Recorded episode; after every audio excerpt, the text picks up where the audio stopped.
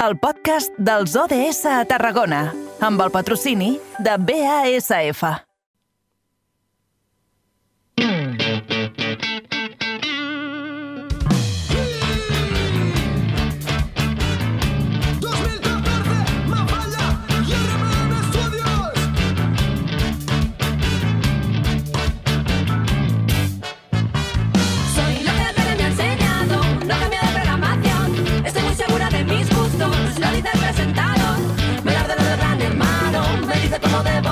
Com us explicàvem en l'inici d'aquest sumari, encetem la darrera hora parlant dels ODS, els Objectius de Desenvolupament Sostenible. I avui ens centrarem en l'ODS número 12, que ens parla de producció i consum responsable. Com cada 15 dies, ho farem acompanyats de l'associació La Farigola i concretament avui parlarem del paper que hi juguen les cooperatives en l'economia circular. Per això saludem a la nostra convidada. Ella és la Montse Rull, una de les fundadores de la Farigola. Montse, bona tarda i benvinguda. Hola, bona tarda, Angie. Què tal? Bé, tot molt bé. I, i tu què tal? Com, com es viuen aquests dies a, de, a la Farigola? Què tal? Perquè ja feia eh, potser dues setmanes de que no parlàvem amb tu. Sí, doncs molt bé. Nosaltres anem avançant amb els nostres petits projectes. Uh -huh. Entre ells uh, hi ha també eh, entremig el, el món de les cooperatives i és justament de lo que volíem parlar avui. Aquestes cooperatives que són un dels principals ambaixadors de l'economia circular. Per anar situant-nos una mica en tota aquesta temàtica, Montse, què et sembla si primer diem el que són i quin és el paper que hi juguen dintre de l'economia circular? Sí, i tant. Eh, a veure, eh, en primer lloc, per tenir clar què és una cooperativa, hem de- d'entendre que una cooperativa en si és, una, és un tipus d'empresa, no? El que passa que la propietat d'aquesta empresa és, és conjunta entre, entre diverses persones que poden ser tant físiques com jurídiques, eh? però que d'alguna manera eh, s'ajunten d'una manera voluntària i per posar en marxa un, un projecte comú, no? O sigui, que, que satisfaci totes les parts, no? les seves necessitats o les seves aspiracions econòmiques o socials, no?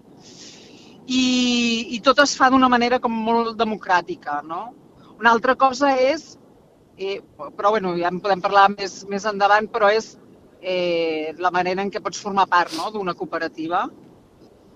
Eh, Però bueno, en qualsevol cas, eh, les cooperatives són, són un tipus de negoci que mou totes les peces. No? O sigui, té, eh, treballa molt a la societat, en ajudar la societat a avançar, eh, bueno, en, en temes socials i tot, però també eh, el, el gran paper que té és que, que, que mou també a les entitats, no? perquè, perquè es mogui tot al, al mateix temps, alhora. O sigui, uh Mhm. -huh. treballa amb les diferents parts de tot el que seria una, una cadena de valor, doncs treballa amb totes les parts per, per, per ajudar-les o per, per, per fer que col·laborin entre elles, no? Uh -huh. Per, per, per Però aconseguir el benefici que s'està buscant. Sí. Però Digues, malauradament, a Montse, tinc la sensació que eh, quan parlem de cooperatives, l'imaginari col·lectiu sempre pensa, ah, cooperativa, vale, sector primari, segur que és una cooperativa de productors d'oli o de productors d'avellanes, coses així, però igualment hem d'entendre que les cooperatives eh, es poden veure de diversos tipus. Ui, tant. Ha, de, de fet, hi ha cooperatives per tots els sectors eh, d'activitat. Eh, per exemple, pots trobar cooperatives eh, que siguin un obrador de pa, no?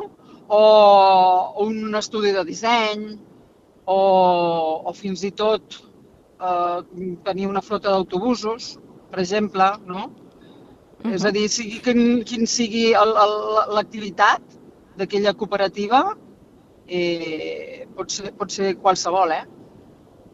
Uh -huh. Sí, sí. A banda, a banda d'això, eh, també hem d'entendre que potser el seu àmbit d'actuació és diferent um, depenent del volum de la, de la ciutat en la, qual, uh, en la qual estan. Per tant, Montse, tu diries que les cooperatives són més importants a les petites viles i municipis o a grans ciutats?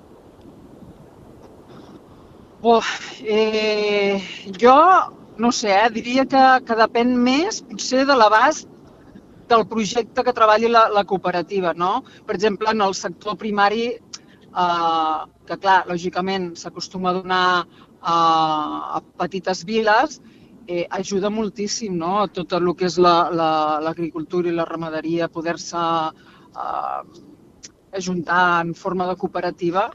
Eh, però, clar, per exemple, també hi ha cooperatives grans que estan treballant en, en grans ciutats i, i que, a més, estan molt diversificades no? i toquen des de temes mediambientals, eh, treballen molt precisament el consum responsable, eh, treballen moltíssim la gestió de residus. Eh, clar, això depèn, depèn de cada cooperativa i del sector en la que estigui posada. No, no sé eh, si està tan lligat amb, en, en, com si diguéssim, en, en, que el nucli sigui més o menys gran, com, com l'impacte que hi té allà on estiguin i el que fagin, no? Uh -huh. Potser l'activitat és uh, el, el factor més important a l'hora de, de pensar en les cooperatives, no? però qualsevol persona pot formar part d'una cooperativa. Què es, què es necessita per entrar sí. Dintre d'aquest món? Sí. Doncs mira, bàsicament depèn del que tu vulguis, o sigui, sí, de, de la, del tipus de figura que tu vulguis tenir dintre la cooperativa. Tu pots ser part propietària o pots ser associat no? i depenent de... bueno, associat o voluntari, voluntària, eh?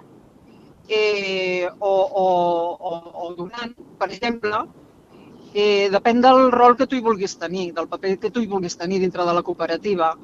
Eh, mm. Qualsevol pot ser-ho. Per exemple, si vols formar part i ser part propietària, has de tenir molt clar que allò que vas a fer és a compartir el teu negoci, eh? a parts iguals i d'una manera molt democràtica. Les decisions es, es prenen dintre d'una cooperativa d'una manera democràtica i, i, i tu has d'estar disposat i, i fins i tot et pots preguntar, jo estic disposat a, a, a compartir el meu negoci amb altres persones, no? I quan jo se m'acabi la meva vida laboral perquè em jubili, eh, estaré disposat a que siguin altres persones les que, les que gestionin el meu negoci?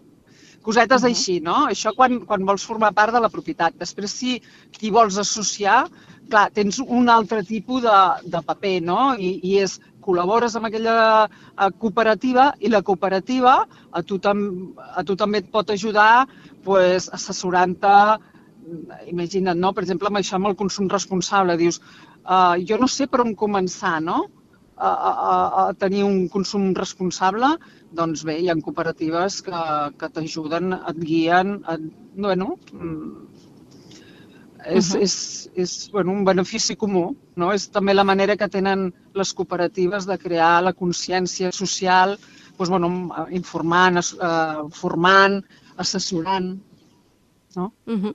És que justament uh, això et volia comentar perquè les cooperatives, a la cap i a la fi, també són un dels principals ambaixadors de, de l'economia circular, justament perquè tenen un punt uh, entremig entre les persones que són productores d'aquell servei o producte que, vol, que vulguin uh, eh, estar col·laborant i també d'aquells clients o d'aquelles persones que consumeixin aquell producte o servei. Aquesta Correcte. dualitat els ajuda a facilitar aquest aquesta informació que tu deies, no? de consum responsable, de també producció responsable... Exacte, ells ho treballen tant des de dintre com cap als associats i el que us deia abans, no? les entitats amb les que col·laboren doncs, també eh, doncs presten serveis, si cal, d'això, d'assessoria, de formació, perquè les eh, entitats, per exemple, empreses, no? Eh, perquè dintre ja de, de la seva activitat productiva incloguin doncs, tot el que és, per exemple, eh, en el cas mediambiental, tot el que és la gestió dels residus, eh, uh -huh. bueno, i, i dels recursos naturals, per exemple, com l'aigua, no? O sigui, uh -huh la veritat és que um... jo crec que desconeixem moltíssim la, la gran utilitat que tenen les cooperatives, el gran servei social que fan. I ara uh, també fèiem menció a tot això perquè uh, la idea que, que teníem a No Montse, que ho vam parlar abans d'entrar de, a aquesta entrevista, és que volem conèixer també cooperatives d'aquesta part del territori, d'aquest camp de Tarragona que sempre en fem bandera. Um, per posar un parell d'exemples, ens podries dir alguna cooperativa amb la que l'associació Farigola eh, tingués relació? Uh, a veure, nosaltres, eh, amb la dadura que portem, vale, una de les parts, eh, com vaig comentar, eh, crec que era la primera vegada que vam intervenir, uh -huh. tenim tota una part que tenim pendent de desenvolupar, no? I que és la part de... Nosaltres eh, vam començar per la part de consum responsable, no? creant com si diguéssim la part de, de grup de consum, vale? i la part que encara tenim molt pendent de desenvolupar és la part més eh, pedagògica de lo que és la frigola. Vale? I aquí és on nosaltres eh, hem d'encara treballar molt amb el contacte amb, amb altres cooperatives, no? sobretot d'aquí de, de la zona. Eh, el que passa que bueno, ja a nivell individual, doncs jo, per exemple, mm, estic associada amb una cooperativa que es diu Opcions i que, i que és eh, molt interessant aquesta en concret perquè és una de les que està molt, molt diversificada. Uh -huh. Doncs mira, eh, prenem nota i justament a veure si podem tenir-la de cara a la, a la propera secció, que serà d'aquí 15 dies. Però malauradament, ah, Montse, sense, sense acabat justament el, el temps, el temps se'ns ha tirat a, a sobre. Així que gràcies un cop més per ensenyar-nos tot això sobre la producció i el consum responsable. I Montse, ens parlem aviat. Molt bé, gràcies, Angie. Adéu. Que vagi molt bé. Adéu.